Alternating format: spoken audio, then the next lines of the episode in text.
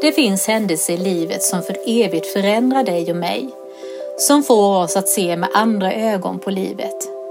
Många av oss har sådana upplevelser och idag får du ta del av min berättelse om förväntan, väntan, sorg, glädje och hopp.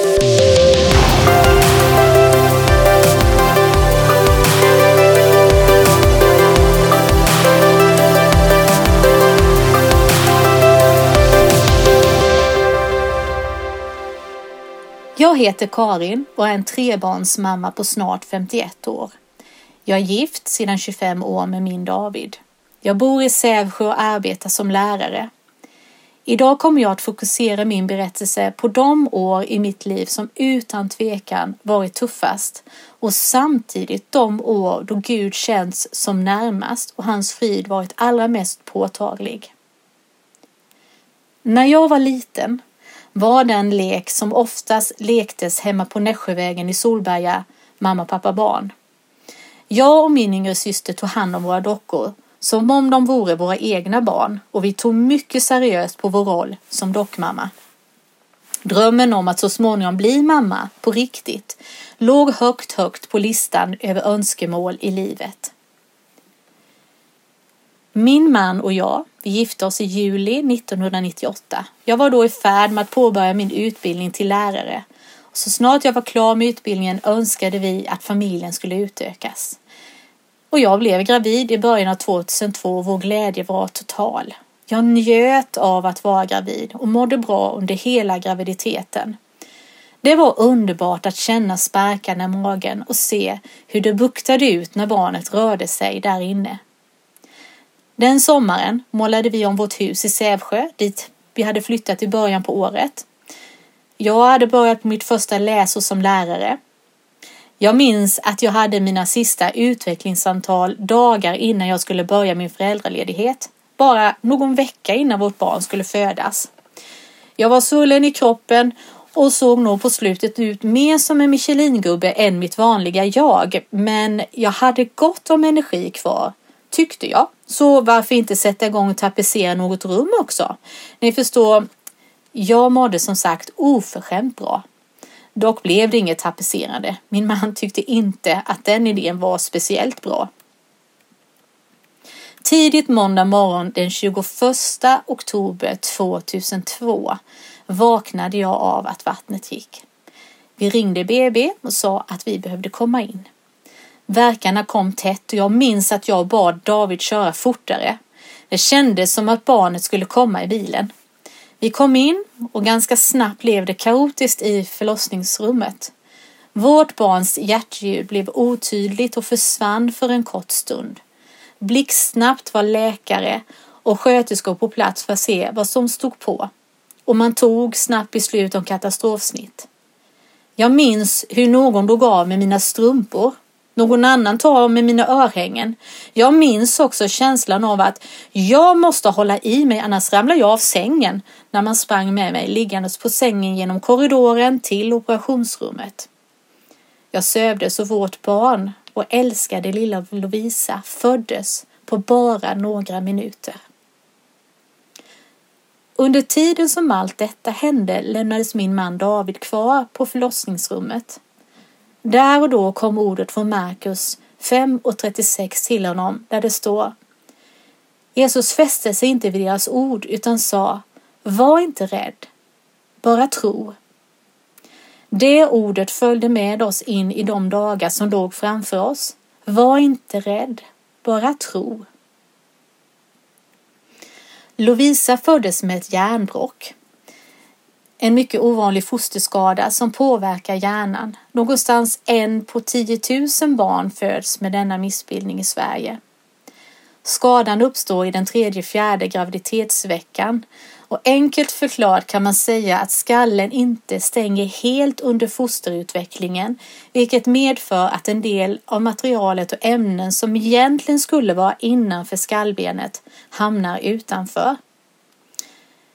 I Lovisas journal såg det att hon skrek när hon föddes. Vad jag hade velat höra det skriket, för efter det skrek hon aldrig mer. Hon var nästan helt tyst. Hennes värden var annars bra, hon andades för egen maskin, men det var ändå en mycket kritisk situation för vår lilla bebis. När jag vaknade upp efter kejsarsnittet hade man redan kört Lovisa i ambulans till Linköping. Vi ringde våra nära och berättade vad som hänt. Vi visste inte hur det skulle gå för vår lilla dotter, men där och då började människor be för henne. Davids bror Andreas ringde runt till folk över hela landet för att mobilisera människor att börja be. Vi är evigt tacksamma för det. Från Linköping ringde man till BB i Eksjö och bad att David och jag skulle ta oss till dem så fort som möjligt. Efteråt har jag undrat om man trodde att Lovisa kanske inte skulle överleva de närmaste timmarna eftersom det skyndades på att vi skulle komma. Men hon överlevde, vår lilla kämpe. Senare under dagen blev jag skjutsad i ambulans till Linköping och David kom efter i bilen. En galen sak som hände mitt i allt var att när vi körde in till BB med full fart på, den, på måndagsmorgonen kände David hur det drog i bilen. När han kom ut till parkeringen senare den dagen för att bege sig till Linköping hade vi punktering på det ena däcket. Det var det David känt när vi körde in på morgonen. Pyspunka på däcket. Tänk om däcket varit tomt när vi skulle åka till BB. Då hade vi kommit in senare och vad hade då hänt vår Lovisa? Tack och lov för Guds omsorg och timing.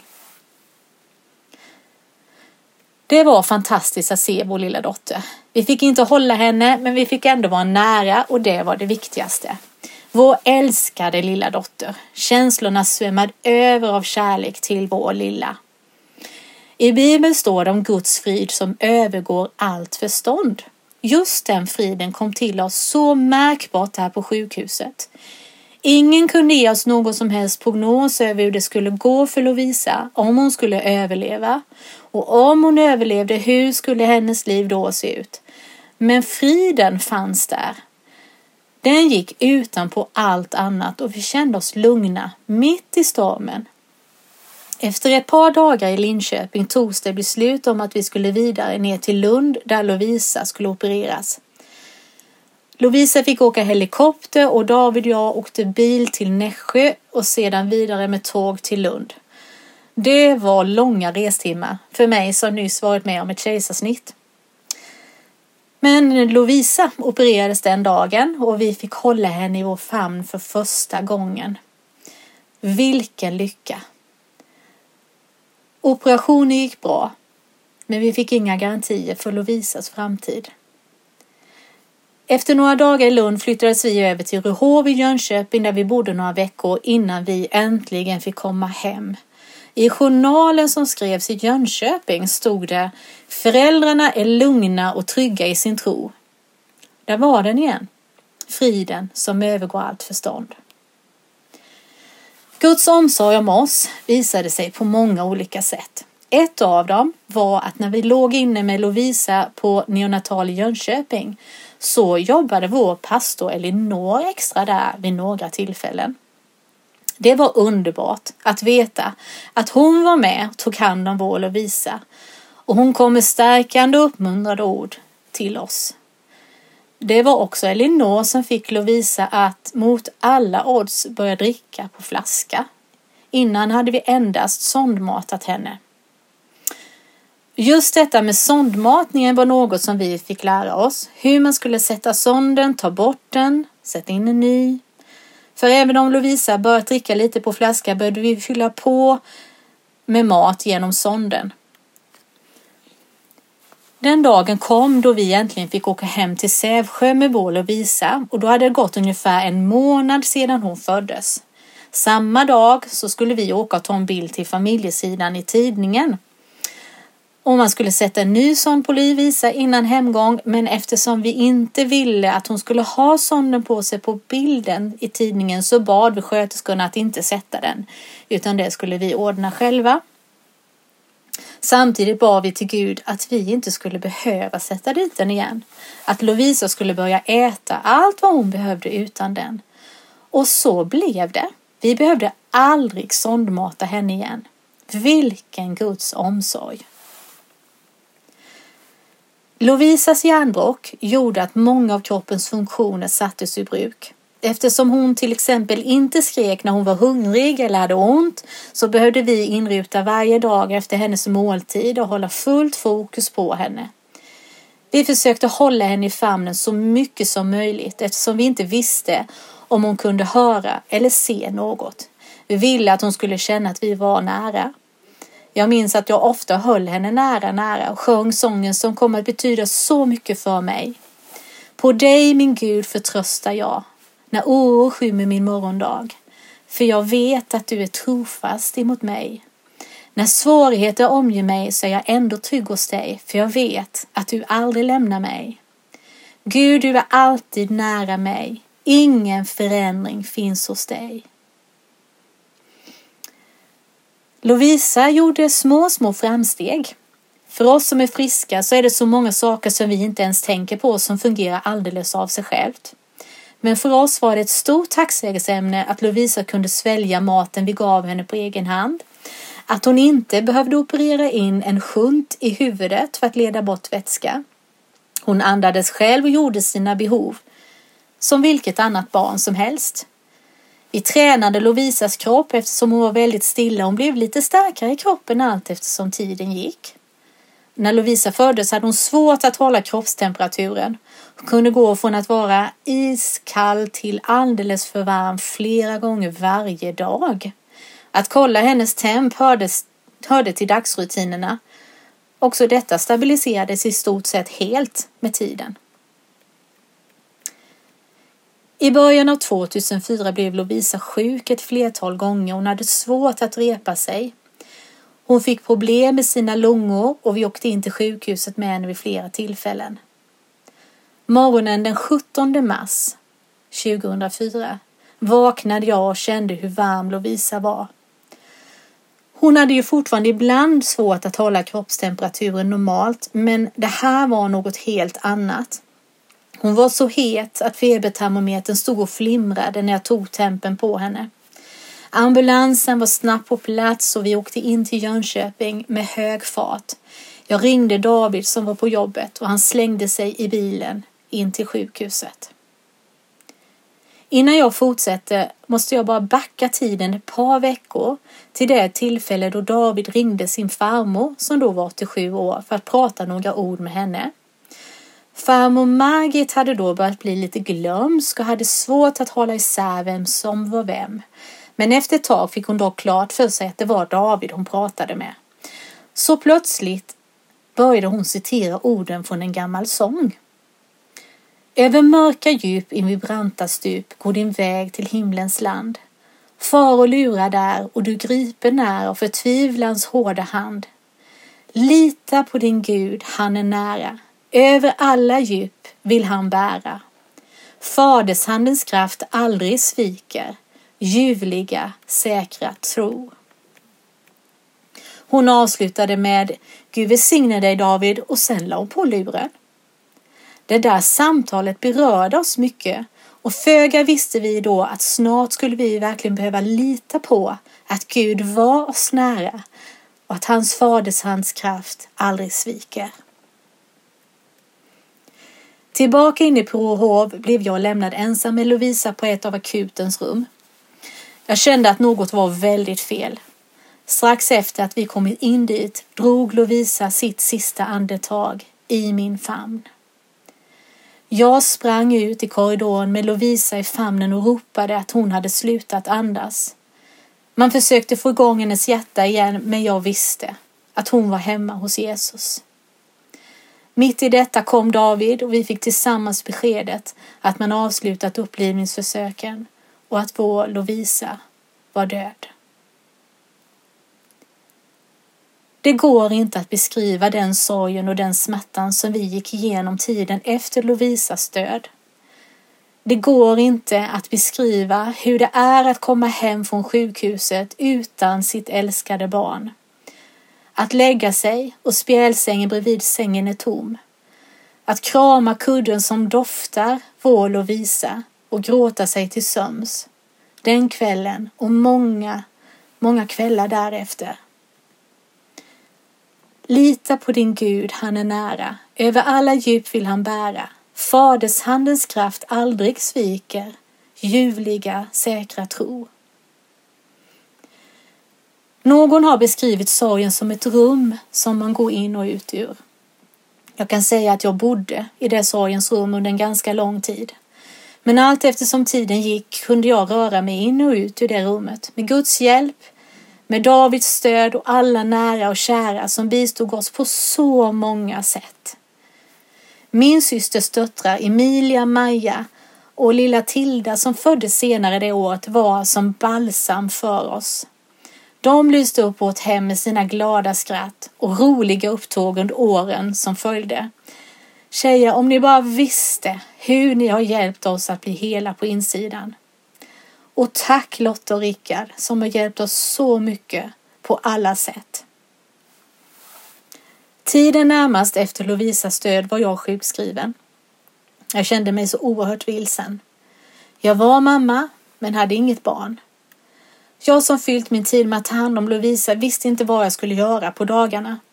Jag orkade inte börja jobba så istället började jag minutiöst städa vårt hus. Det har aldrig varken förr eller senare varit så rent och städat hos oss som då.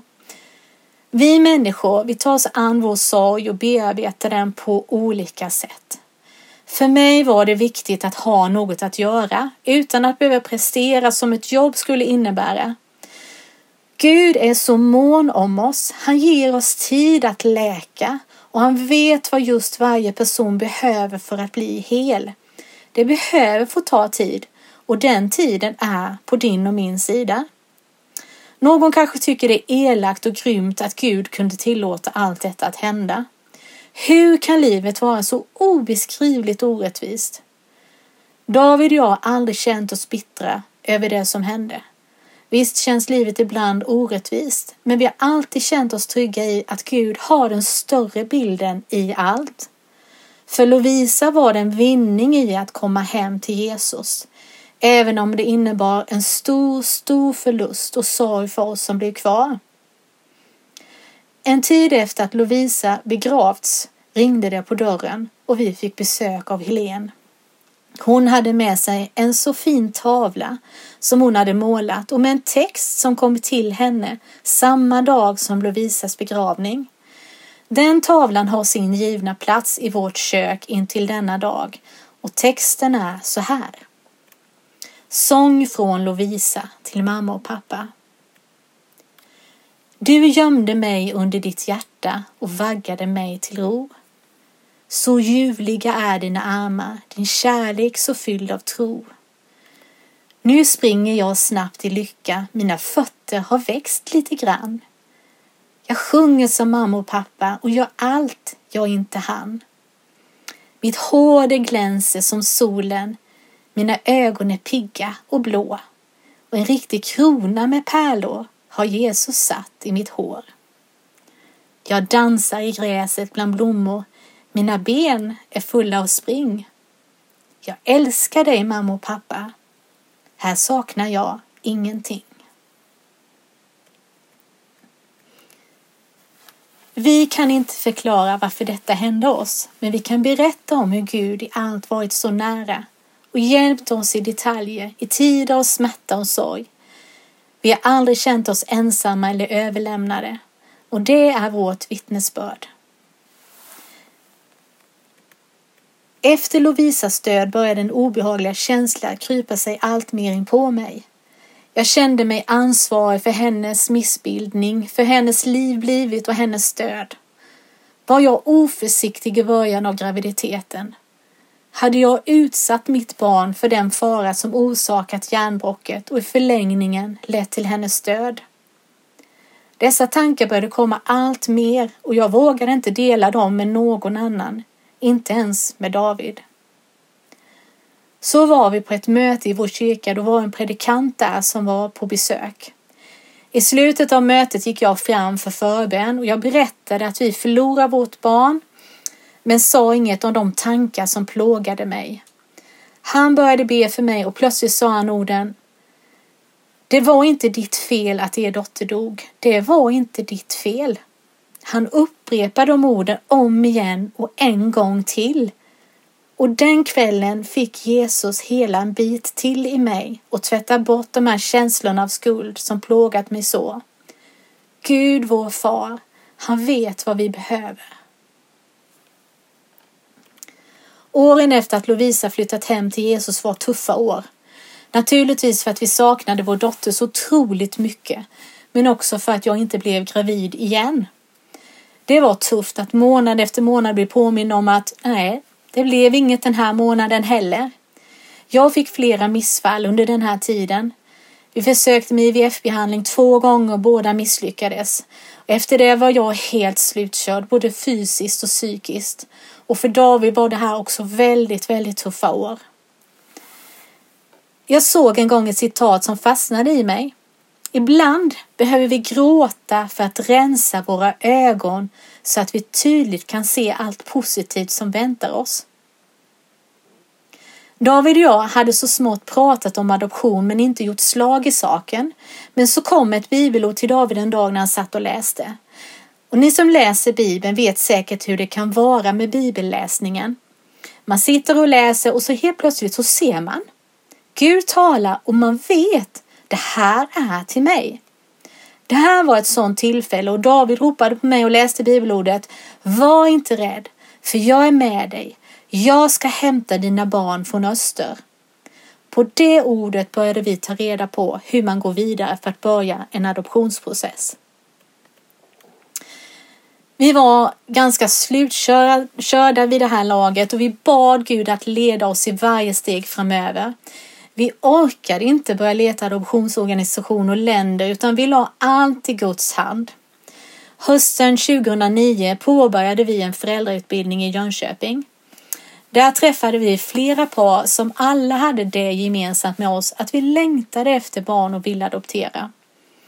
På en av dessa träffar var vi indelade i grupper, männen för sig och kvinnorna för sig. I Davids grupp var det plötsligt en man som sa man skulle vara kristen. Va? Varför det?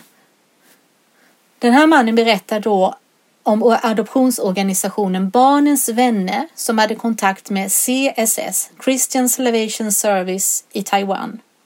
De sökte aktivt troende personer till sin utlandsadoption. På grund av att de sökande skulle vara aktivt troende var kötiden för adoption mycket kortare. Tala om att vi åkte hem glada den kvällen. Vilket bönesvar! Vi fick informationen serverad till oss på detta fantastiska sätt. Vi som hade suckat till Gud att vi inte orkade leta adoptionsorganisation och land. Vi sökte upp Barnens vänner och påbörjade insamlandet av dokument så snart vi avslutat föräldrautbildningen. Nu är insamlandet av dokument inför en adoption inget man gör i en hast. Det tog sin tid, men strax innan jul 2010 skickade vi de sista dokumenten och väntan på barnbesked började.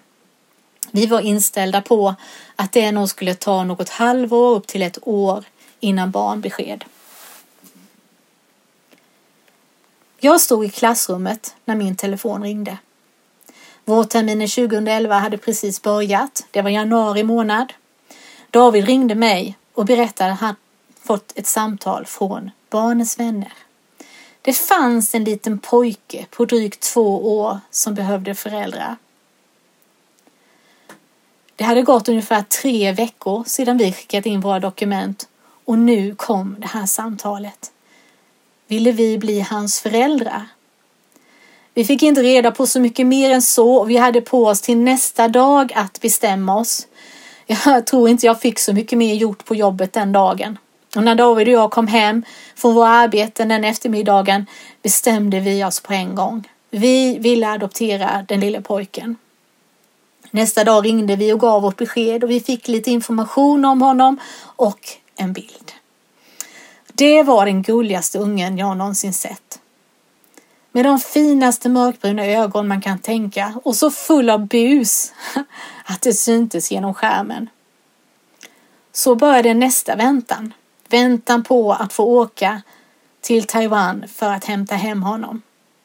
Det gick ända till augusti innan vi fick resebesked. Och äntligen fick vi träffa vår Mingji, vår Jona på riktigt. Det var omvälvande att från år av barnlöshet, från ena dagen till den andra ha en busig treåring att ta hand om. Den första tiden var inte helt friktionsfri. Jona vägrade att ha något med mig att göra överhuvudtaget. Han skrek när jag skulle ta honom och det var bara David som dög. Men efter någon månad var det som om han accepterade mig och efter det löstes de knutarna upp. Istället blev det David som fick kämpa för att Jonas skulle knyta an till honom på riktigt. Från den första sekund vi träffade Jona var han vår son. Samma känslor som vi hade haft till Lovisa hade vi på en gång till vår Jona. Vår finurlige lille Jona. Han satte verkligen fart på våra liv. 2013 var vi tillbaka i Taiwan igen, då för att hämta hem vår Emil. Han var då ungefär ett och ett halvt år. Vi mötte en försiktig liten pojke som fulländade vår lilla familj. Och Jona tog så väl hand om sin lillebror, lillebror och vi har alltid sagt att han är världens snällaste storebror. Vad vi älskar våra barn. Det blev inte så som jag hade tänkt mig när jag lekte med mina dockor där hemma i Solberga. Det blev ju mycket bättre än så. På krokiga vägar blev det ändå så bra. Och jag känner så stor tacksamhet att jag har någon som kallar mig mamma. Ja, inte bara en, utan två.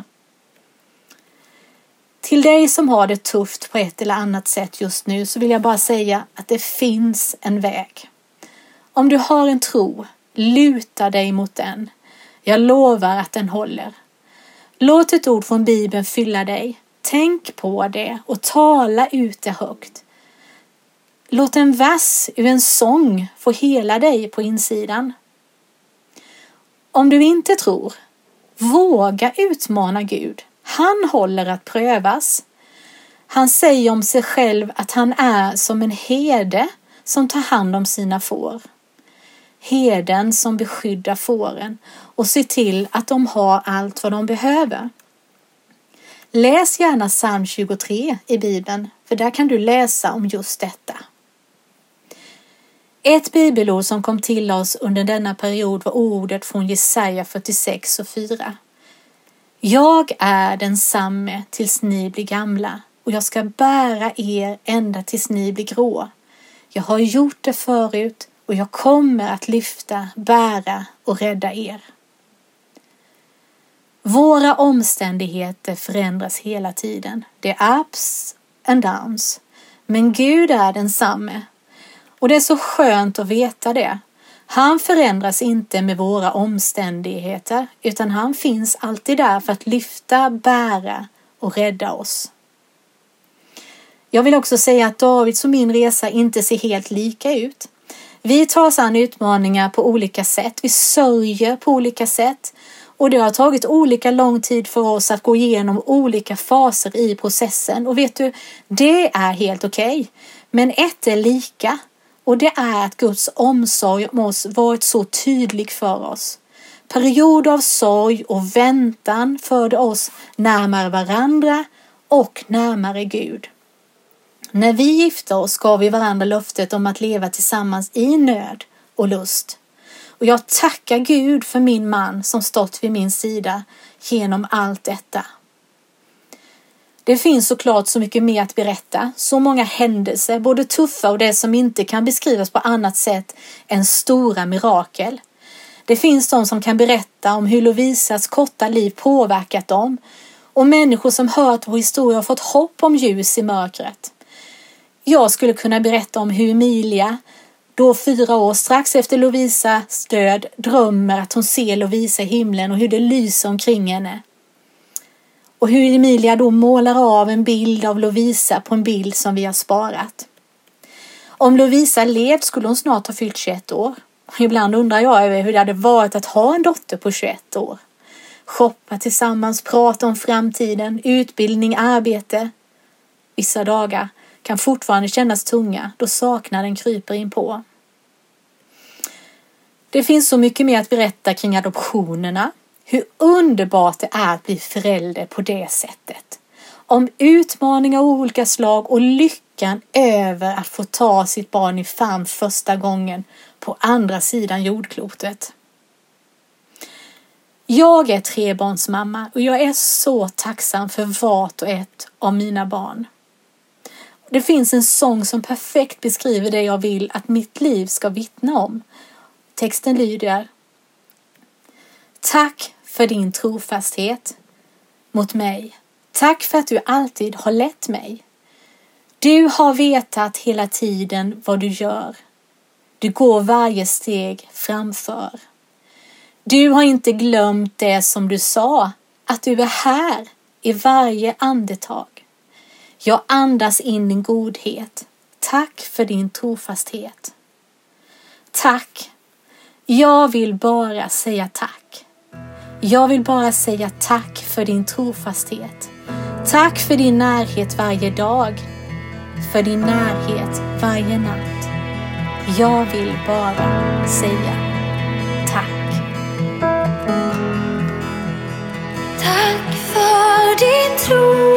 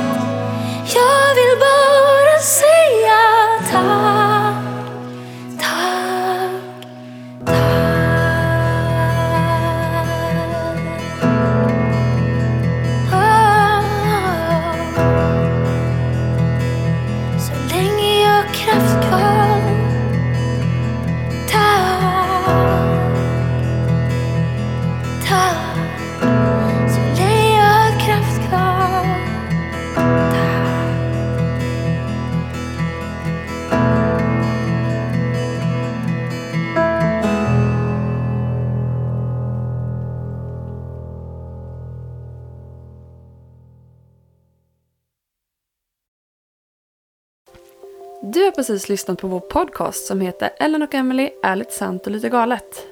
Jättekul att du har valt att lyssna på oss. Om du vill ha mer information så finns vi under Instagram och Facebook och du hittar oss på namnet Ellen och Emily. Så in och kika där, följ oss och tipsa gärna podden vidare. Tjingeling!